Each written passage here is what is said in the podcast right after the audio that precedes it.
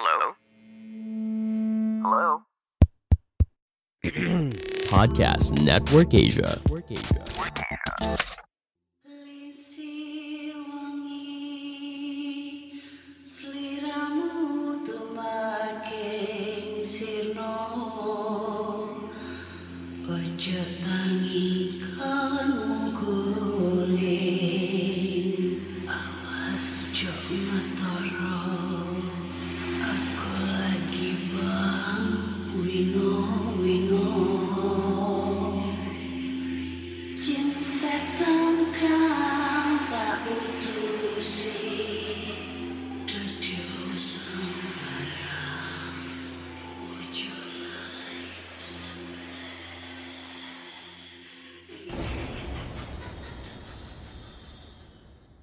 Hai Rek, iya apa kabar Ketemu lagi dengan aku si Ana di podcast kisah horor.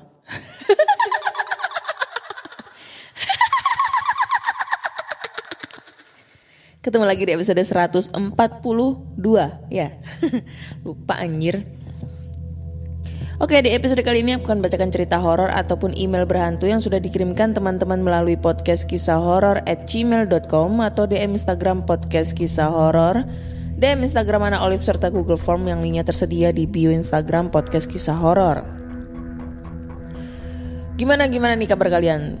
Yang pastinya eh, semoga baik-baik saja ya untuk semua pendengar podcast kisah horor, semua anggota keluarga pendengar podcast kisah horor dijauhkan dari eh, mara bahaya, dijauhkan dari penyakit atau hal-hal buruk apa pun itu. Amin ya Allah. Karena di Surabaya sekarang udah mulai musim penghujan.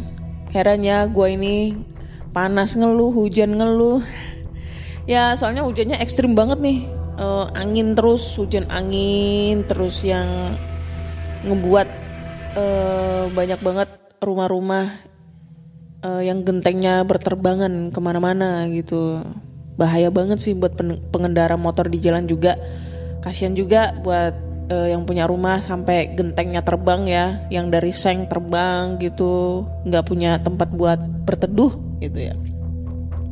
Terus mau juga cerita ini kemarin em, masih ingat di episode sebelumnya episode 141 itu gue di opening itu cerita kalau setiap malam ada yang cetek-cetekin lampu. Nah ini baru aja ta- eh, kemarin itu ada yang nyetek-nyetekin lampu lagi. Gila. Gila banget sih nyetek-nyetekin. Udah eh, apa ya? Udah kerekod deh. Kayaknya udah kerekam deh. Nanti aku coba share di IG ya.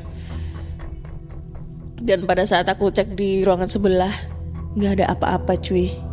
Beneran. Ini tapi ini hari ini hari ini nggak ada gangguan sih. Nggak tahu kenapa tumben banget aku tunggu dari aku pulang kerja tadi sampai sekarang nggak ada gangguan sama sekali.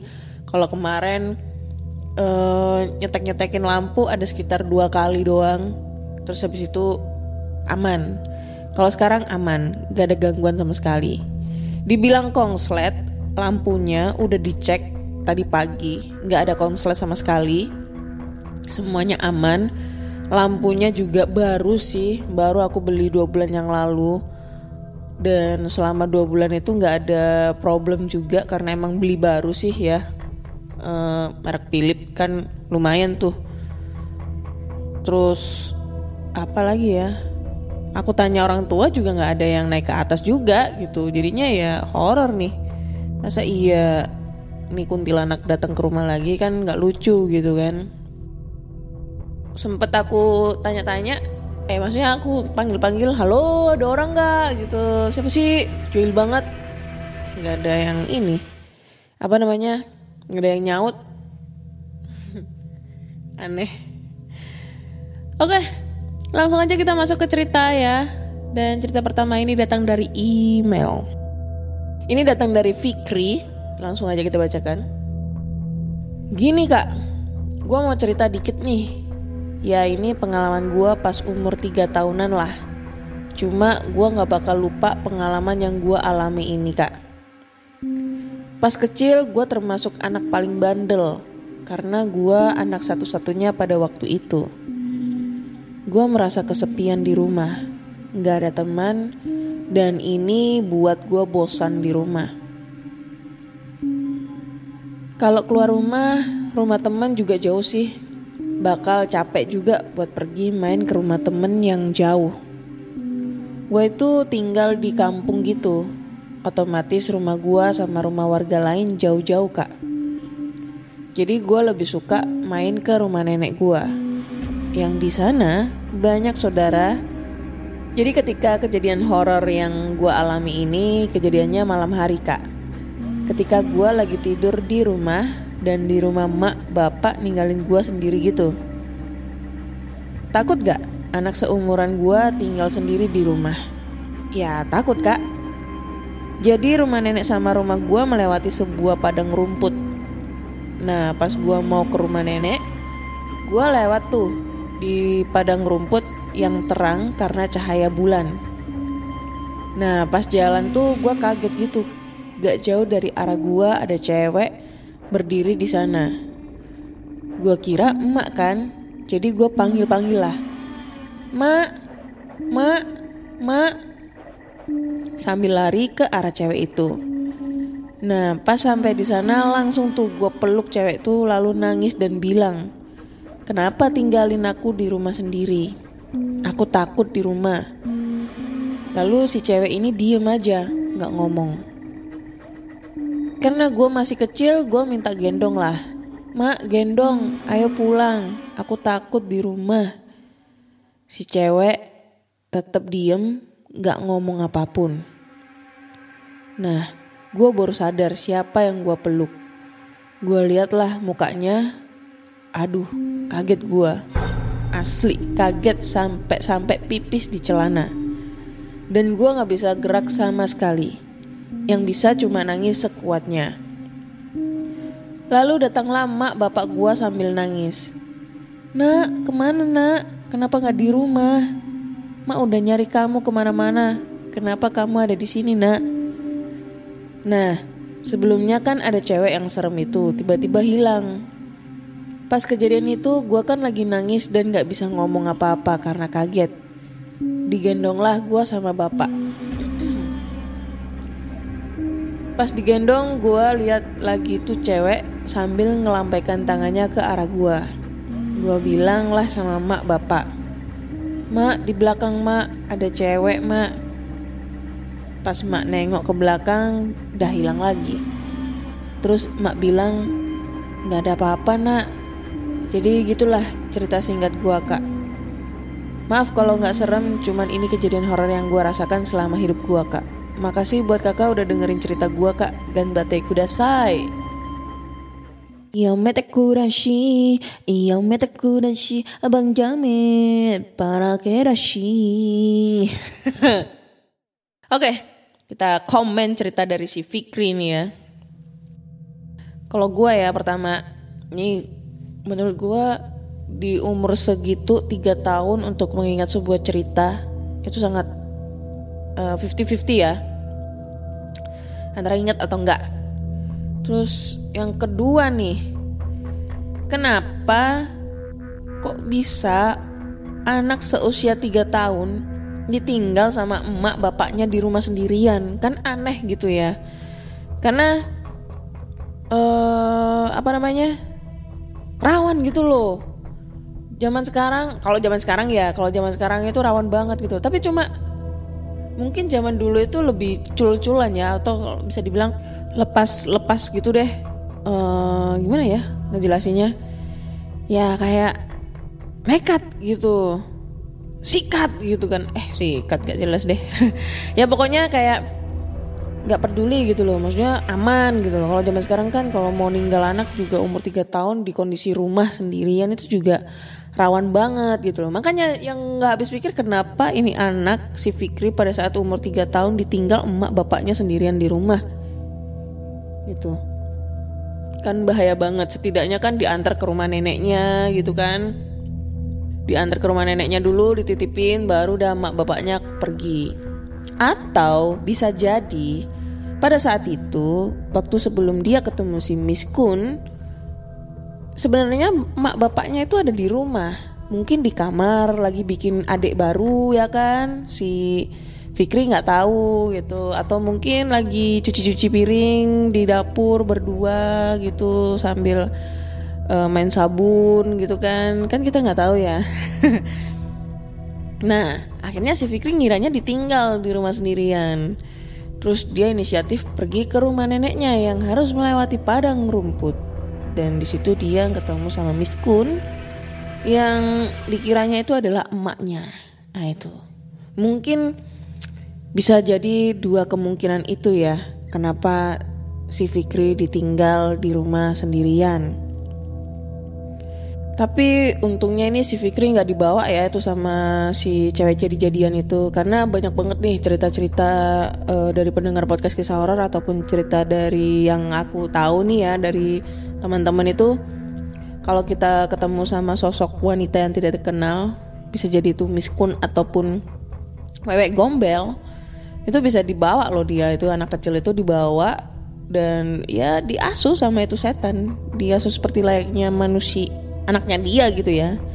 Disusuin dikasih makan atau lain-lain gitu. Dan kalau semisalnya mau mengembalikan tuh anak ke dunianya dunia nyata itu aduh melakukan ritual-ritual gitu yang harus bunyi-bunyiin peralatan dapur keliling kampung atau mungkin di tahlilin eh kok tahlilin? Pokoknya ngaji bersama gitu kan doa bersama dan lain-lain. Tuh bersyukur banget tuh Fikri nggak dibawa. Soalnya kan dulu kan pernah aku cerita kalau soalnya episode berapa udah lama banget sih puluhan itu pernah uh, anaknya tetangga desa itu mengalami kejadian. Dia tuh dibawa uh, wewe gombel terus semalaman nggak pulang. Dan pas dia udah balik itu ya akhirnya udah ditemuin itu udah balik itu anaknya jadi linglung linglung terus kayak pertumbuhannya itu kayak terlambat gitu loh. Apa ya? Kayak perkembangannya itu terlambat gitu. Jadi semisal dia anak usia lima tahun tapi perkembangannya tuh masih seusia tiga tahun gitu. Yang seharusnya udah bisa ngomong jadi belum bisa ngomong ibaratnya kayak gitu. Ya itu deh bahaya banget itu. Ya percaya nggak percaya kalian harus ngebuktiin sendiri kalau emang kalian nggak percaya ya. Karena emang sesuatu hal yang beginian itu oh, kebanyakan orang itu kayak skeptis banget gitu loh kayak nggak percaya banget. Tapi ya mau gimana lagi? Tuhan menciptakan beragam beragam macam berbagai macam makhluk gitu loh yang diciptakan. Ada yang nyata, ada yang tidak nyata. Kayak gitu. Oke, lanjut next ke cerita berikutnya. Cerita berikutnya nih datang dari Google Form.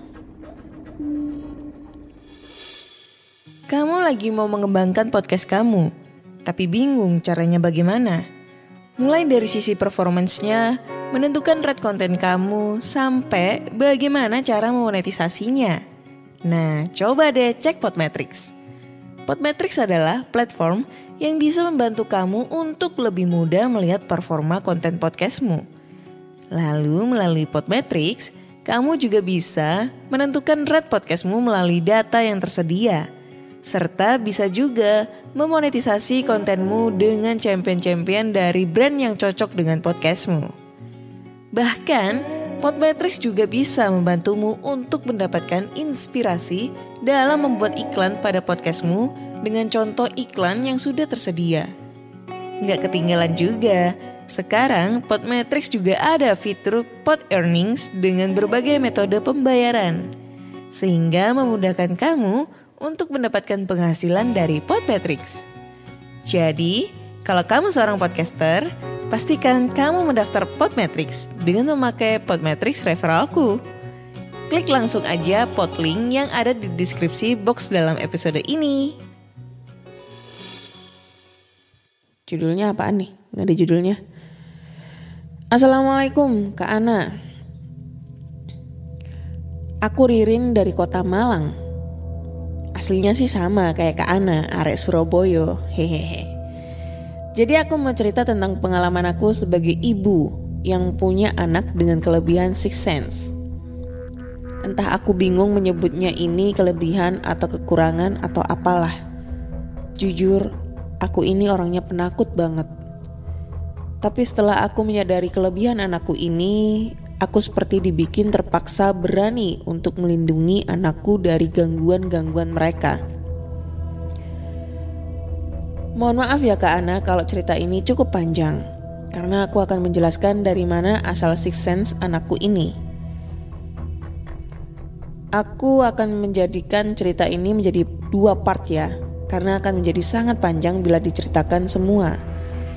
Part pertama, aku akan menceritakan pengalamanku saat masa kehamilan. Six sense dari anakku ini aku yakin dari ayahnya. Suamiku ini memiliki six sense yang entah dari mana dia dapat. Keturunan atau sejak menjadi guru silat. Tapi dia tidak mau mengakuinya dia juga sama sekali tidak tertarik dengan hal-hal yang berbau mistis. Moto dalam hidupnya adalah jangan pernah memiliki hubungan dengan jin, setan, atau apa pun itu. Yang kedua, ada ataupun tidak ada, nampak ataupun tidak nampak, aku sama sekali tidak peduli. Pokoknya yang berhubungan dengan hal-hal mistis, dia tidak suka dan cenderung menghindarinya.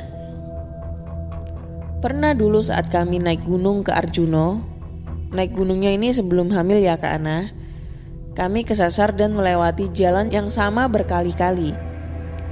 Diikuti aroma wangi yang makin lama makin wangi sampai menusuk hidung. Menyadari kami kesasar, suami ngajak berhenti. Tapi aroma wangi itu tetap masih ada. Bahkan lebih wangi. Tapi perlahan aroma wangi itu memudar. Memudar dan akhirnya menghilang. Suami ngajak saya untuk melanjutkan perjalanan dan alhamdulillah kita menemukan jalan yang benar. Lalu aku tanya, "Bau wangi ya?" Dijawab suamiku, "Iya, tadi." Terus aku tanya lagi, "Apa itu?" Tapi dia diem gak mau jawab. Ada juga cerita dari teman suamiku, sebut saja D. Dia pernah cerita saat naik gunung berdua sama suami. Suami ini mimpi didatangi perempuan dan memberikan sebuah batu berwarna hijau. Tapi suamiku tidak mau menerimanya. Lalu aku tanya ke suami, "Apa betul?" Suami hanya diam dan menjawab, "Itu bunga tidur." Banyak sekali cerita yang aku dapat dari temannya ini, tapi suamiku sendiri tidak mau menceritakan kepadaku secara langsung. Entah agar aku tidak menjadi semakin penakut atau sengaja malas membahasnya. Lanjut saat aku hamil. Saat aku hamil aku menjadi sangat peka. Sebenarnya banyak kejadian-kejadian janggal yang aku rasain, tapi aku ceritakan yang serem-serem aja ya. Di awal kehamilan sepulang kerja shift malam, aku pergi ke suatu tempat makan bersama suami. Di jalan masuk tempat makan itu, aku seperti melihat ada anak laki-laki kecil yang duduk jongkok meringkuk seperti kedinginan. Dengan badan penuh lumpur dan ada sebilah pisau, oh pisau yang tertancap berdiri di atas kepalanya. Pernah juga aku melihat sosok di pusat perbelanjaan yang duduk di lantai tiga. Tapi kakinya menjulur panjang ke lantai satu. Dan pengalaman yang membuat aku takut hingga detik ini adalah saat tengah malam. Aku pergi ke kamar mandi untuk buang air. Aku melihat di kegelapan di ruang tengah rumahku ada sesuatu hitam yang berdiri. Aku perhatikan makin lama bayangan hitam di kegelapan itu bergerak ke arahku. Buru-buru aku nyalakan lampu dan bayangan itu hilang. Awalnya aku menganggap itu halusinasi dan tidak pernah memberitahu suami apa yang aku alami selama ini. Karena jawaban dia akan selalu sama. Kamu halusinasi. Saking seringnya aku mengalami ini, aku merasa menjadi terbiasa akan hal-hal seperti itu. Kadang aku juga susah membedakan antara manusia dan bukan manusia. Sampai akhirnya kata suamiku pernah malam-malam saat tidur, aku teriak-teriak tertawa menangis seperti kesurupan dan sempat menendang suamiku yang menurut dia dia sampai terbang. Sampai di situ suamiku menyadari apa yang aku alami selama ini bukan halusinasi. Aku pikir setelah suamiku tahu bahwa ini bukan halusinasi, teror-teror yang aku alami akan berhenti. Tapi ternyata tidak. Bahkan ini adalah awal permulaan seolah-olah mereka merasa senang karena dinotis keberadaannya. Sekian cerita part ini kak. Part selanjutnya aku akan menceritakan pengalaman-pengalaman yang aku dan anakku alami. Bahkan mereka beberapa kali tertangkap kamera handphoneku. Terima kasih Kak Ana. Semoga sehat selalu. Saya berharap podcast kisah horor tayang setiap hari. Wassalamualaikum warahmatullahi wabarakatuh. Waalaikumsalam warahmatullahi wabarakatuh. Thank you banget Mbak Ririn sing arek bonek merantau ning Arema. hmm. Bonek di Mbak? Mamamu Mbak. Woi. Soporo iso ngopi-ngopi bareng lah. Oke, kita tanggepin dulu ceritanya. E, menurut aku ya ceritanya Mbak Ririn ini mungkin bisa jadi ini kan judulnya kan tentang pengalaman anaknya nih yang punya kelebihan six sense. Cuma mungkin diceritain di part kedua karena ini ada part 1, part 2, part 3, 4, 5, and 6, 7, 8, 9, 10. ya, jadi kita tunggu uh, kelanjutan ceritanya dan mungkin kalau aku bisa komentar bisa jadi ya uh, bisa jadi mungkin kelebihan yang dimiliki oleh suaminya Mbak ini keturunan, namun belum diasah tuh ya. Terus pada saat ngikutin silat, kegiatan silat itu pencak silat tuh biasanya kan kita diasah untuk uh, intro ke-6 apalah segala macam kayak gitu-gitu. Nah, akhirnya terasa sehingga kepekaannya itu menjadi lebih terlatih, lebih terasah gitu ya karena aku tahu kayak gini temen aku pernah uh, bapaknya pernah ini loh apa namanya buka padepokan silat gitu katanya. Ya nggak tahu ya uh, mungkin kalau ada salah tolong diralat ya. Mohon maaf nih bukan sok keminter tapi ya pengalaman dari teman-teman yang udah ngikutin silat gitu. Itu bisa jadi. Sehingga mungkin nih uh, anaknya jadi terlatih nih six sense-nya apa ya punya keturunan gitu. Tapi bisa jadi juga kalau misalnya nih ini kan aku belum tahu nih cerita si anak nih. Bisa jadi bukan karena keturunan juga sih karena emang anak kecil itu usia 0 sampai sampai balik ya. Kalau udah balik itu dia nggak bisa ngeliat-ngeliat. Tapi kalau masih belum balik itu eh, kepekaannya tuh lebih peka banget gitu loh untuk ngelihat hal-hal yang tidak kasat mata. Ini ini contoh nih, ini baru tadi pagi, tadi siang nih, gue tahu nih. Jadi tujuh hari yang lalu, kebetulan kemarin tujuh harinya itu istri dari yayasan uh, di sekolah aku yang punya sekolah yayasan lah yayasan sekolah istrinya itu meninggal ya kan terus tadi siang itu pas kerja ternyata anaknya yang paling kecil itu main ke sekolah gitu main ke sekolah ya biasalah. E, mungkin butuh hiburan atau apa pun gitu kan karena ibunya habis nggak ada. Terus cerita nih sambil main PS kan di sekolah kan ada PS tuh anak-anak bawa PS jadi dia cerita nih tante tadi e, aku digelitikin digelitikin sama siapa? Digelitikin mama. Di mana? Iya tadi pas aku naik motor mau ke sekolah Loh, berarti mama terbang? Iya, terbang. Digelitikin di mana? Di tangan. Gitu. Terus yang kedua, tadi pagi dia cerita. Jadi tadi pagi itu pas di rumahnya dia itu dia cerita ke kakaknya yang cewek sama mbahnya sama neneknya. Nah, kakaknya yang cewek sama mbahnya tuh nangis. Terus aku tanya, "Emang kamu cerita apa?" gitu. Iya, tadi pagi pas aku habis mandi mau pakai baju kan aku pakai bajunya di kamar mama. Terus di situ ada mama bilang hmm, nangis nangis mama nggak pengen nggak pengen mati duluan. Gila dong. Anak masih usia tiga tahun eh empat tahun. Empat tahun apa lima tahun? Empat tahun lah. Itu empat tahun lima tahun dia tuh kayak ngomong kayak gitu tuh kayak gak ada beban, gak ada pokoknya loss gitu aja lah. Ini ya kalau menurutku ya penilaianku ya kalau anak masih 4 atau lima tahun diajak ngobrol kayak gitu itu menurutku tuh bukan bukan bohong ataupun mungkin ngarang-ngarang tapi kalau misalnya anak udah di atas 7 tahun misal kelas 2 kelas 3 4 SD itu udah bisa ngarang-ngarang cerita dia. Tapi ini anak seusia gitu tuh untuk hal-hal sekecil itu 3 4 tahun itu belum bisa untuk ngarang-ngarang cerita. Jadi ya menurutku real banget itu kalau dia sampai ngelihat eh, hal yang tidak kasat mata seperti itu. Shock banget sumpah. Padahal ibunya baru meninggal ada tujuh hari yang lalu gitu. Gila sih.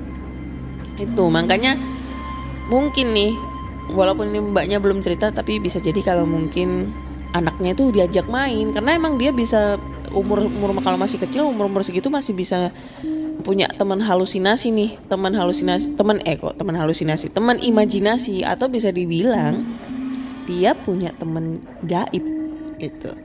Nah ceritanya apa tentang pengalaman anaknya Mbak Ririn ini? Kita tunggu aja Mbak Ririn kirim cerita. Syukur-syukur nih yang katanya Mbak Ririn bilang ketangkep kamera di handphone dikirim juga di podcast kisah horor ya kan? Nanti bisa di share bisa dipertontonkan di teman-teman pendengar podcast kisah horor. Keren gila. Oke, kayaknya cukup sekian dulu cerita di episode 142 ini. Ya dua cerita aja dulu karena eh, semakin menipis nih cerita yang masuk di podcast kisah horor nih. Jarang banget ada orang yang kirim cerita sekarang. So buat teman-teman semua pendengar podcast kisah horor buruan buruan kirim ceritanya podcast ke podcast kisah horor at gmail.com ya karena aku aku nggak punya stok cerita. Buruan kirim ke podcast kisah horor at gmail.com Lalu jangan lupa follow podcast kisah horor di Spotify, Google Podcast, Apple Podcast, atau Anchor dan di Noise karena podcast kisah horor sekarang udah bisa didengerin di Noise. Jangan lupa follow juga podcast kisah horor di tele eh Telegram. Di Instagram ya. Terima kasih sudah mendengarkan podcast kisah horor sampai detik ini. Nantikan di episode-episode berikutnya. Bye bye.